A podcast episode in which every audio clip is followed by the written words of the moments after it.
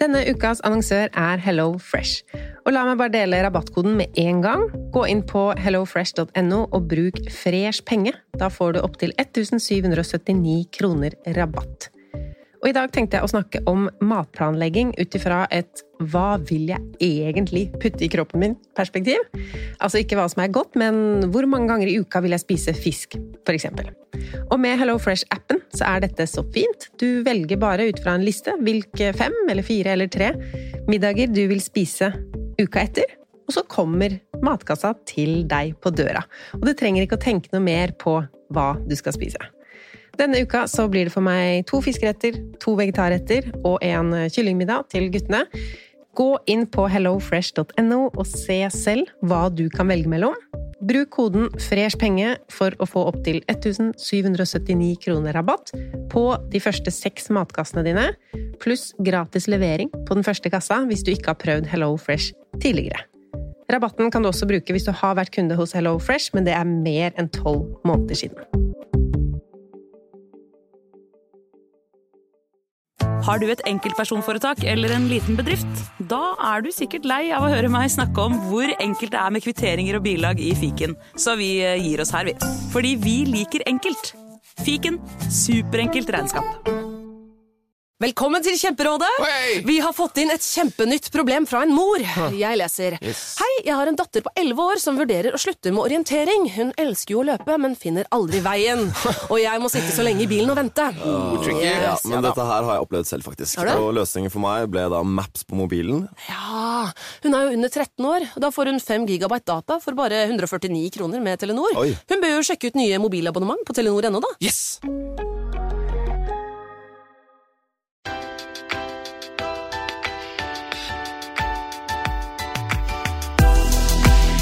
Godt nyttår og velkommen tilbake til en ny episode av Pengesnakk podkast. Podkasten hvor jeg, Lise Wermli Christoffersen, snakker om penger. Stort sett om penger. Litt andre temaer òg, og litt andre personer òg, som er innom og deler noe klokt. Men mest meg.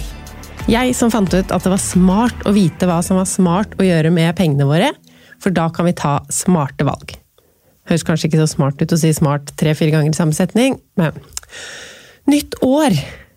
Nye muligheter. Er det ikke litt sånn, da? For meg føles det veldig som en ny start nå, dette nye året. Tilbake med Pengesnakk podkast etter en liten mammapermisjon. Det er stas. Altså, Både stas å få bli mamma igjen, men også stas å være tilbake på podden. Siden vi snakket sammen sist, eller snakket sammen, jeg snakket inn i denne mikrofonen, så har det skjedd litt av hvert. 2. oktober ble jeg mamma for andre gang, og jeg var veldig usikker på hva kom jeg til å føle når babyen er her. Kunne det bli sånn at eh, jeg ikke hadde lyst til å tenke på penger eller podkast eller noe som helst annet enn den eh, lille, søte ungen? Eller kanskje det føltes helt feil å i det hele tatt ha litt pause fra pengesnakk? Og det som skjedde, var på en måte begge deler. Jeg er glad for at jeg ikke hadde noe press på meg om å levere noe som helst på podkast eller noen andre plattformer de første ukene. Eh, Vi sleit veldig med å få til amming, dagene besto jo for det meste av det. Samtidig så har det vært rart å ikke være pengesnakk-Lise. Dette er jo ikke bare jobben min, det er jo hvem jeg er. Så nå er jeg veldig glad for at Tom har permisjon et par dager i uken, sånn at jeg får drevet litt med pengesnakk igjen, samtidig som jeg er mamma.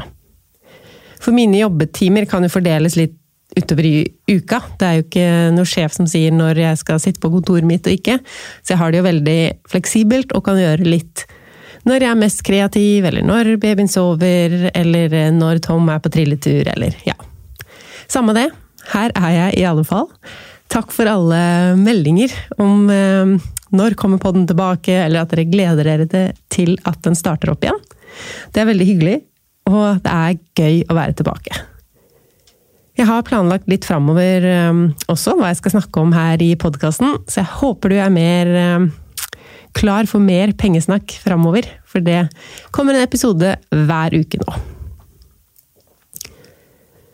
Jeg synes jeg hører overalt at folk er drittlei av drittåret 2020 og superklar for det nye. så skjønner jeg det ikke helt, for det er jo ikke sånn at vi ble kvitt koronaen i romjula. Men samtidig, det er jo fint at vi har en så positiv innstilling til dette nye året. At ting blir bedre i 2021. Jeg tenkte å ha flere gjester innom podden i år. Vi får se det, om det blir mulig etter hvert. Men dere må i hvert fall i starten regne med at det blir mye, mye Lise her. Jeg vet nesten ikke hvor jeg skal starte etter eh, tre måneder uten podding. Men jeg tenkte at denne første episoden skal handle om å sette seg mål for året. Jeg har skrevet noen tanker eh, om det, en liste som du kan finne på bloggen. pengesnakk.no blog, altså med én G. Så du trenger ikke å ta notater hvis du tenker at du vil eh, sette deg mål etter å ha hørt denne episoden om hvordan sette mål, og hvordan nå dem i 2021. For deg som har kjøpt eh, Pengesnakk-almanakk, så ser du at jeg er veldig opptatt av dette med å sette mål. Og flere av dere har tatt kontakt med meg også og spurt hva, hva bør jeg ha som mål for neste år? Hvor mange mål skal jeg ha, og hva bør være målet mitt? Så vi begynner med det. Det er jo ikke noe jeg kan bestemme for deg. Vi har uh, ulik bakgrunn. Altså Noen av oss investerer masse, og trenger kanskje heller å ha som mål å komme oss opp av sofaen og begynne å trene. Tipset mitt for å bli mer aktiv er forresten å ha sånn skrittellerklokke. I hvert fall for de av oss som blir motivert av tall. Det regner jeg med er en del av dere. Eh, noen av oss vil bli bedre ektefeller, andre vil få det ryddigere hjemme, lese flere bøker Jeg veit ikke. Masse ulike mål. Fokuset her i dag blir nok de økonomiske nyttårsforsettene og målene. Det er jo stor variasjon innen dem også. Men samtidig litt flere likheter, da. Altså det er flere likheter mellom sparing og gjeldsnedbetaling enn mellom trening og sparing. ikke sant? Har du som mål å betale ned kredittkort eller forbrukslån, så kan du jo gjøre veldig mye av det samme som en som har som mål å investere mer i aksjer, f.eks. i løpet av året. Å snakke til dere er jo å snakke til veldig ulike økonomiske utgangspunkt.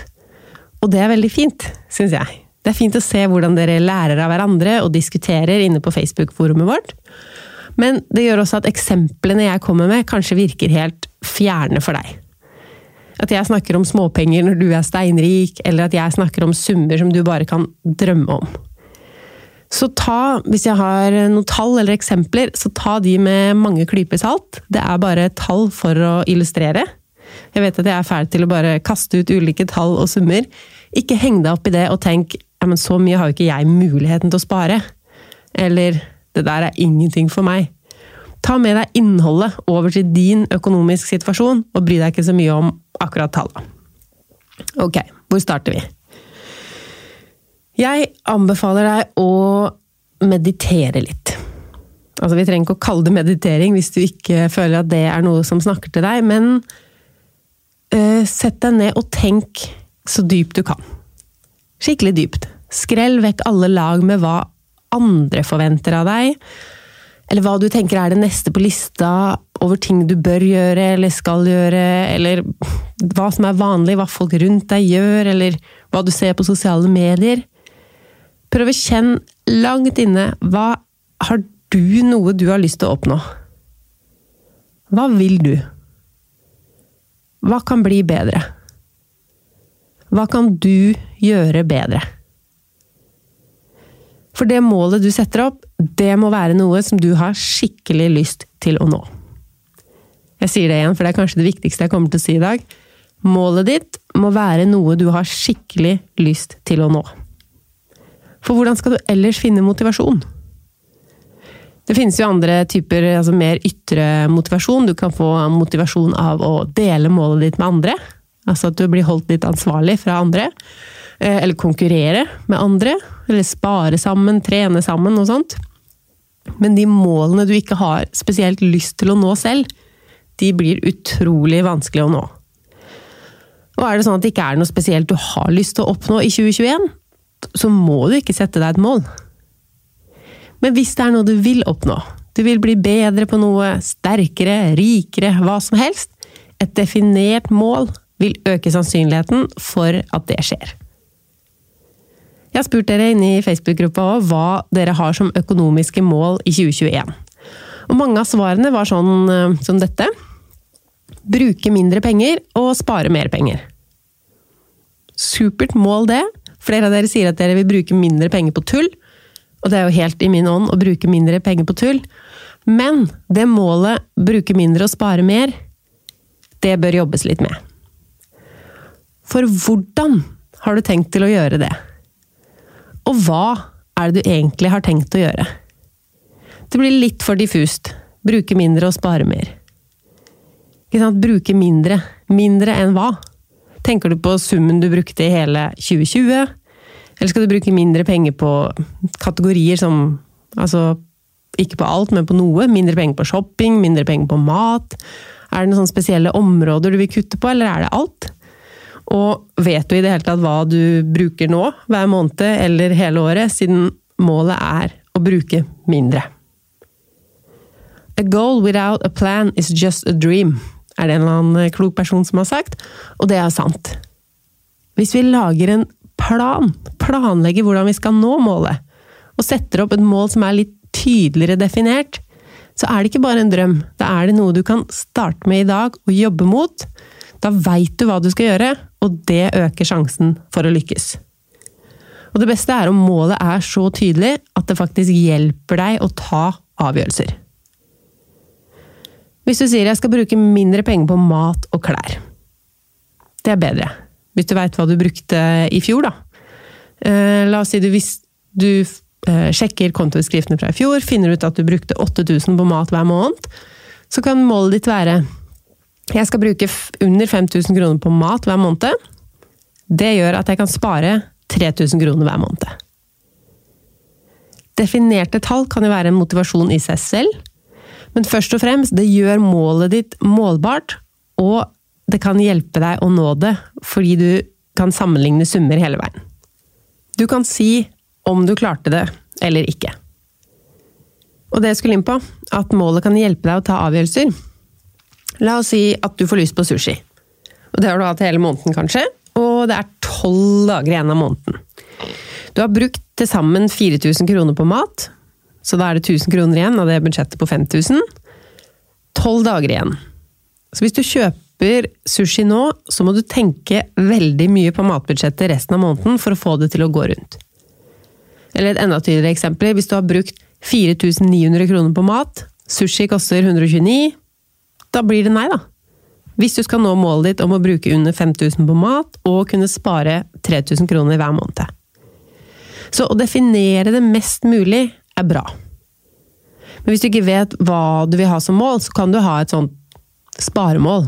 Altså ikke, um, at du sparer til et hus, eller en ferie, eller bryllup, eller hund, eller en ny telefon, eller noe interiørgreier, eller hva som helst. Men du kan fortsatt ha et sparemål. Jeg setter meg alltid et sparemål i sum.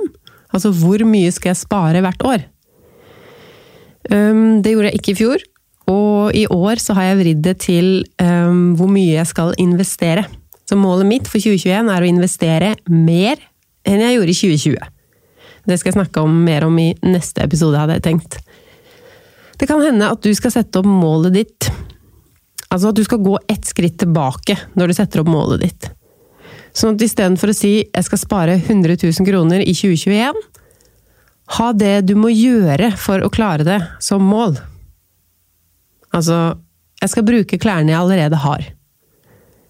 Da, hvis du klarer å øhm, oppnå det målet, så kjøper du jo ikke noe nytt, sant? Jeg skal ha med min egen mat, og ikke kjøpe noe på farta.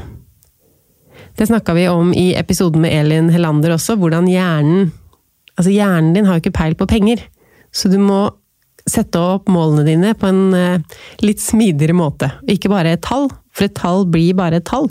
Du må vite hva du skal gjøre for å klare å oppnå det tallet som du har satt opp.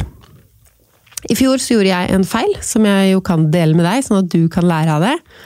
Og det var at jeg hadde altfor mange mål.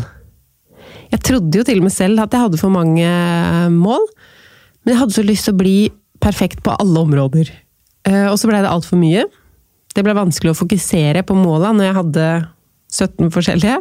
Og så kom korona, og jeg blei gravid, og jeg kan sikkert finne på enda flere unnskyldninger også.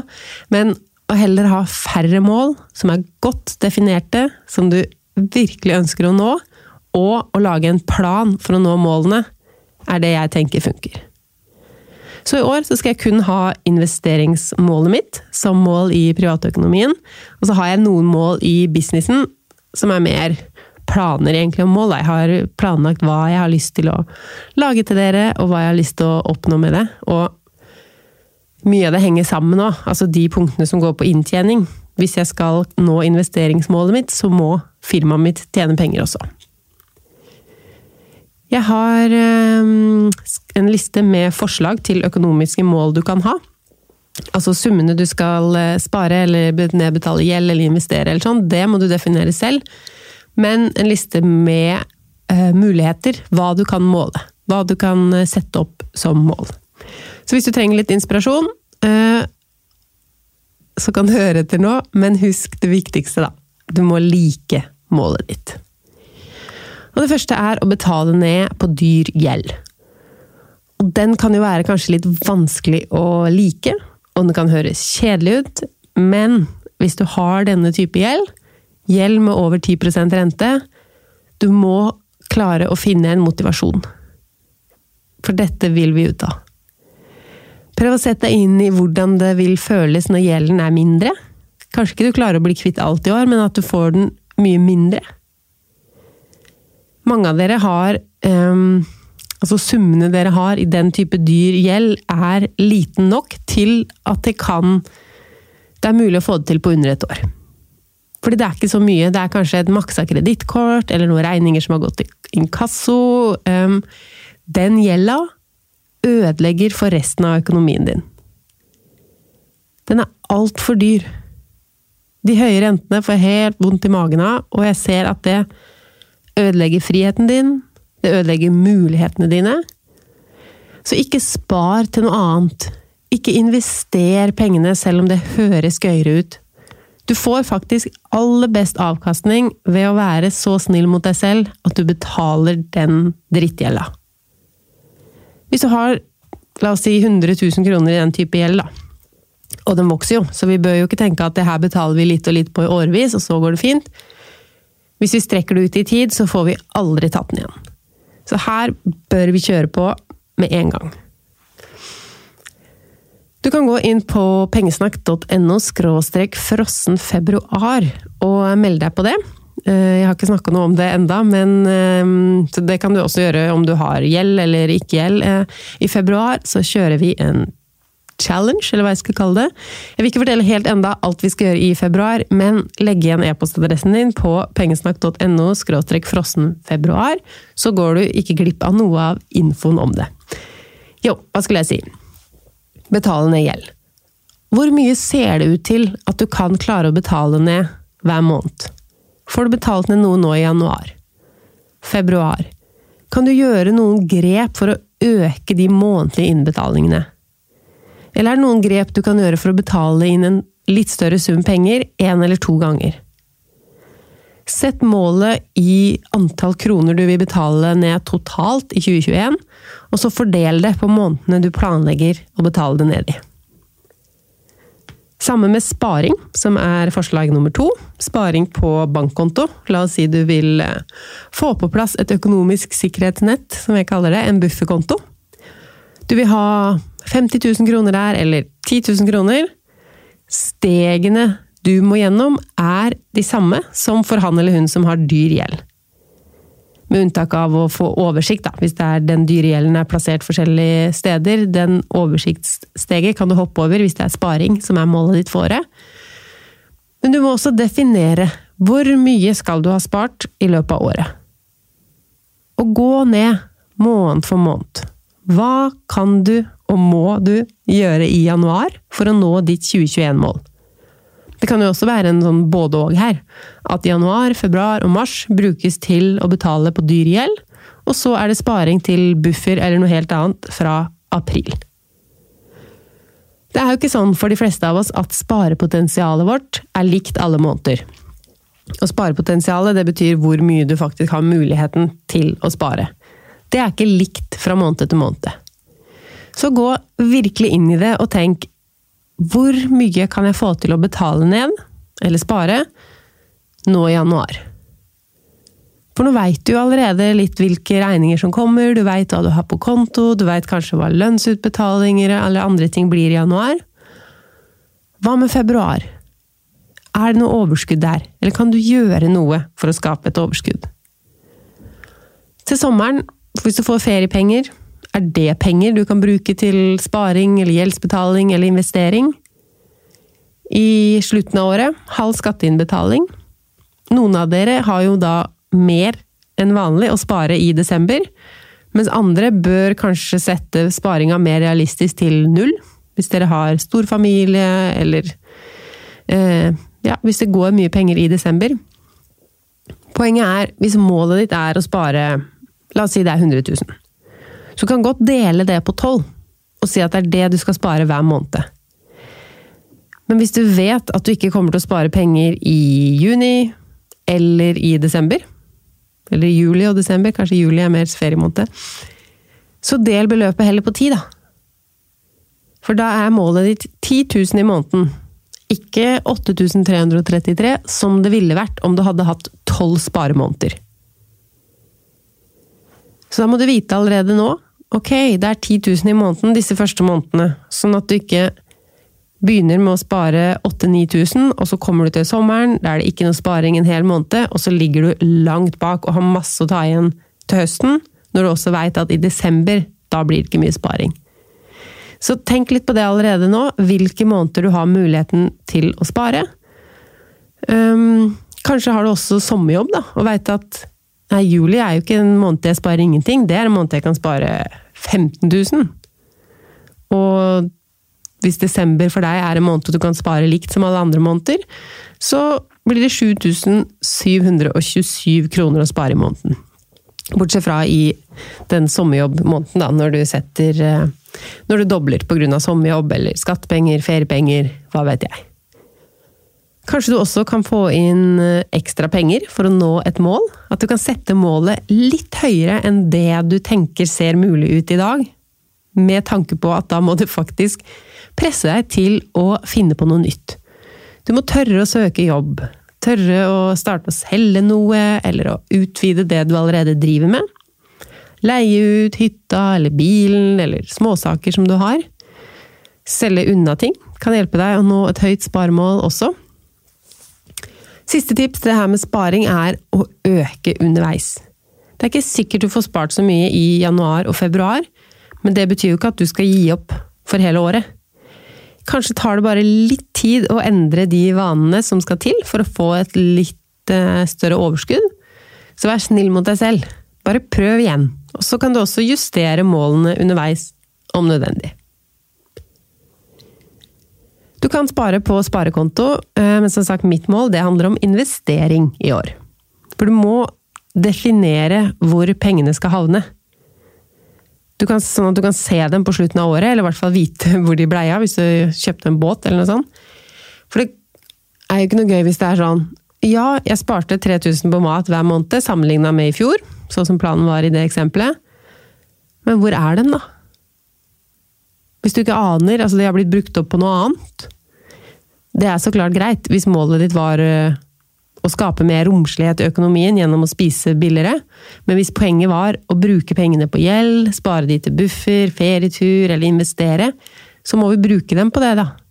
Så definer også hvor de sparte pengene skal havne, og send dem dit. Eh, å investere for første gang kan være et mål. Du trenger kanskje ikke et helt år på det målet, men eh, kanskje du trenger litt tid på å lese deg opp litt mer, eller bli sikker på at investering er for deg. Uh, investere fast hver måned kan jo være et mål. Det skal vi snakke om neste uke. Selge 100 kan være et mål.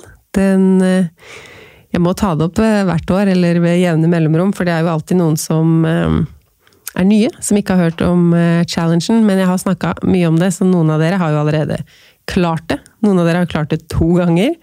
Hvis du uh, lurer på hva det er, eller vil høre mer om det, så kan du høre på episode 37, eller gå inn på pengesnakk.no skråstrek selge 100. Kanskje det er det som blir ditt mål i 2021. rydde opp, selge unna ting du ikke trenger hjemmefra. Jeg nådde jo ikke det målet om 100 salg da jeg satt meg det for 2019. Litt flaut kanskje, når jeg satt meg det målet og delte det med så mange av dere, og mange av dere klarte det jo også. Og grunnen til at jeg ikke klarte det, da, det handla jo ikke om at målet var dårlig. Det hadde vært fullt mulig. Men planen min var litt dårlig. Jeg tenkte sånn at ja, selge 100 ting, det blir i snitt to salg i uka. Men to annonser og to salg er ikke det samme. Og hvis du lager ti salgsannonser nå i uke én, fire av tinga blir solgt med en gang, så er du faktisk ikke så langt foran skjema som du kanskje tror. Fordi noen ting, de blir ikke solgt. Noen ting trenger å ligge lenge ute før de plutselig blir solgt. Så det jeg vil anbefale dere som skal gjøre dette i år, eller som starta rett før jul Du kan jo um, Det må jo ikke være et, at du gjør det i et kalenderår, du kan jo begynne når som helst.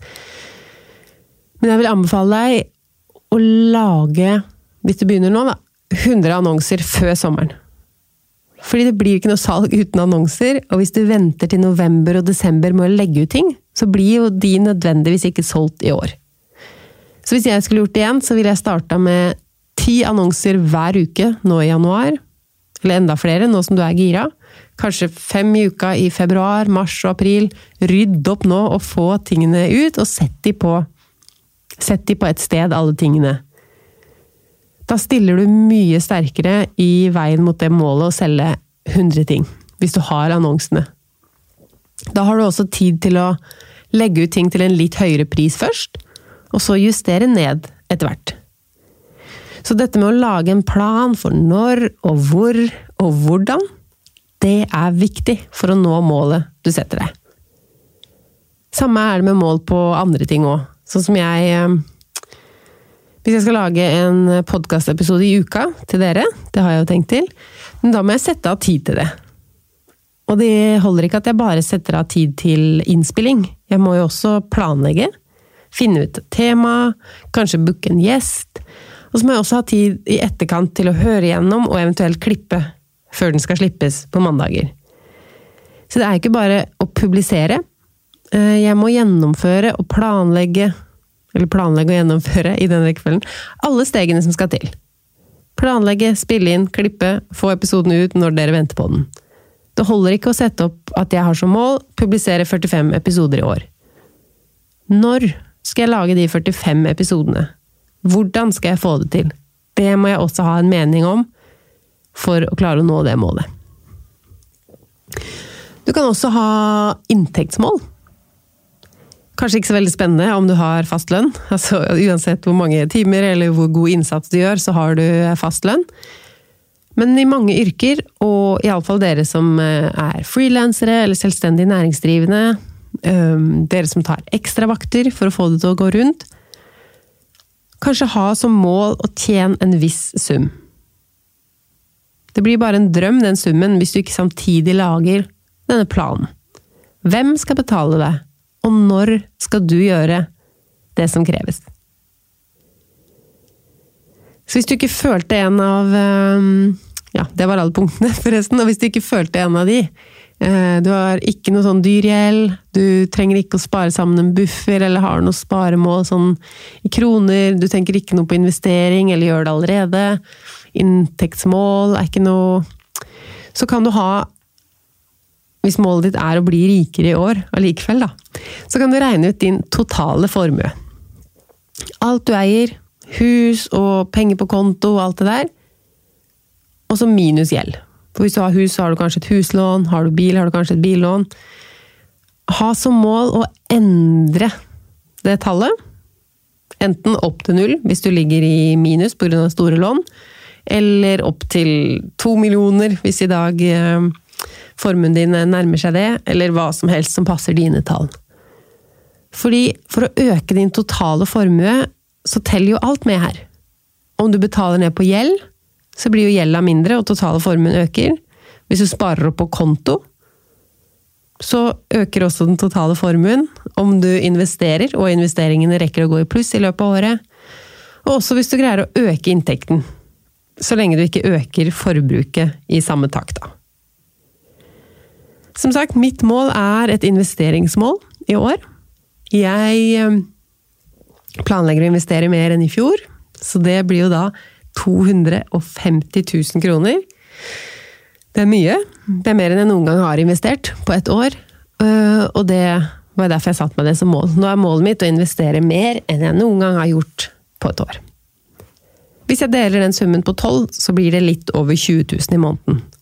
Og det kan jeg ikke garantere at jeg greier. For noen måneder så tjener jeg lite, eller nesten ingenting. Men så er det heldigvis andre måneder hvor jeg tjener mer. Eh, og planen min er å investere pengene jeg får fra boksalget. For, eh, for forfattere så er det sånn at lønna kommer ganske lenge etter salget. Eller lenge etter man har skrevet boka, i hvert fall. Eh, for jeg skrev jo boka i 2019. Og så ble den gitt ut i 2020, og så nå i april 2021. April, tror jeg det. Så får jeg lønn for den. Minus et forskudd som jeg fikk allerede da jeg leverte.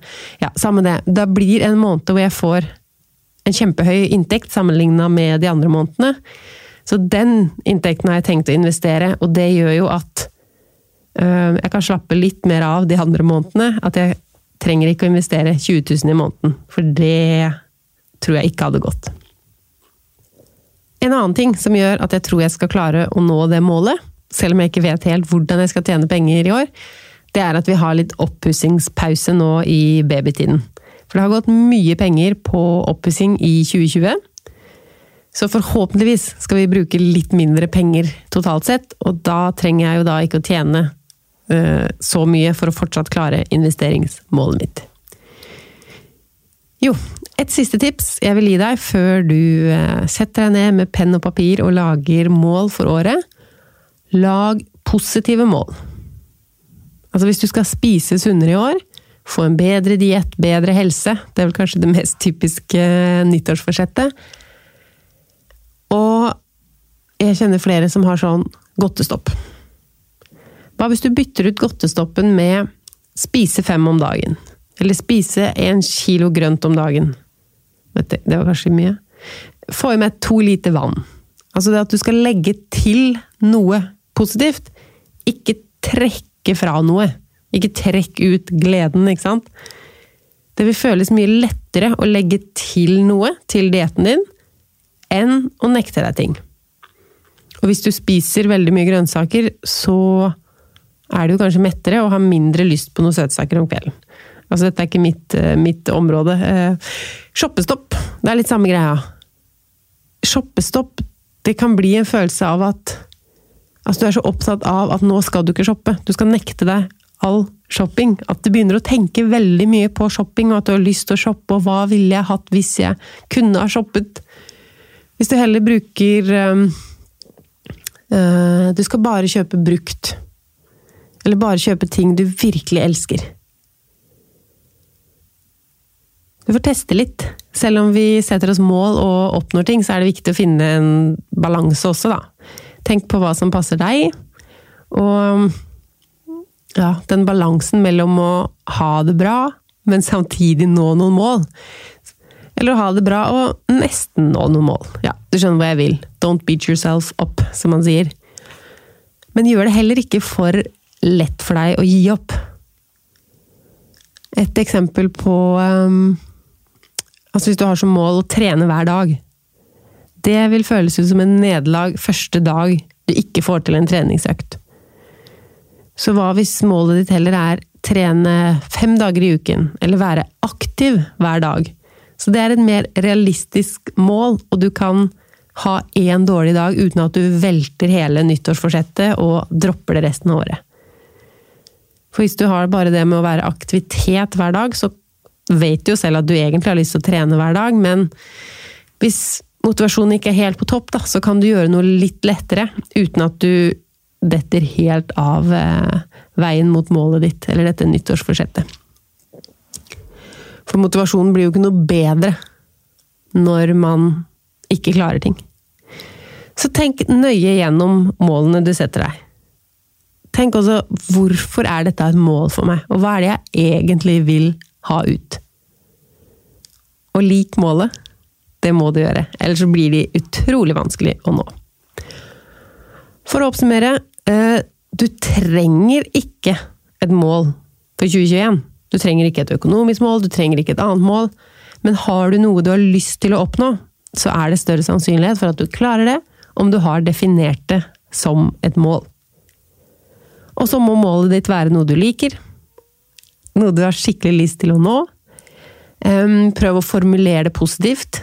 Altså ikke at du nekter deg ting, eller at sparing er noe drit, men du skal Altså prøv å formulere det positivt for deg selv, at du gleder deg når du ser det og tenker på det. Um, ikke ha for mange mål. Lær av min feil der. Og så viktig, sett en plan for å nå målet. En så detaljert plan som mulig. Bryt det ned. Hvor mye skal du spare i januar? Hvor langt skal du løpe i februar?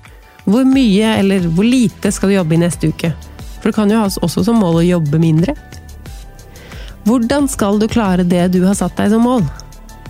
er poenget mitt. Ikke glem denne planen. Og så er jo året i gang, så det er bare å starte på planen. Start på veien mot målet og alt det spennende og flotte vi skal få oppleve i 2021. Året er i gang, og jeg ønsker deg et riktig godt nytt år.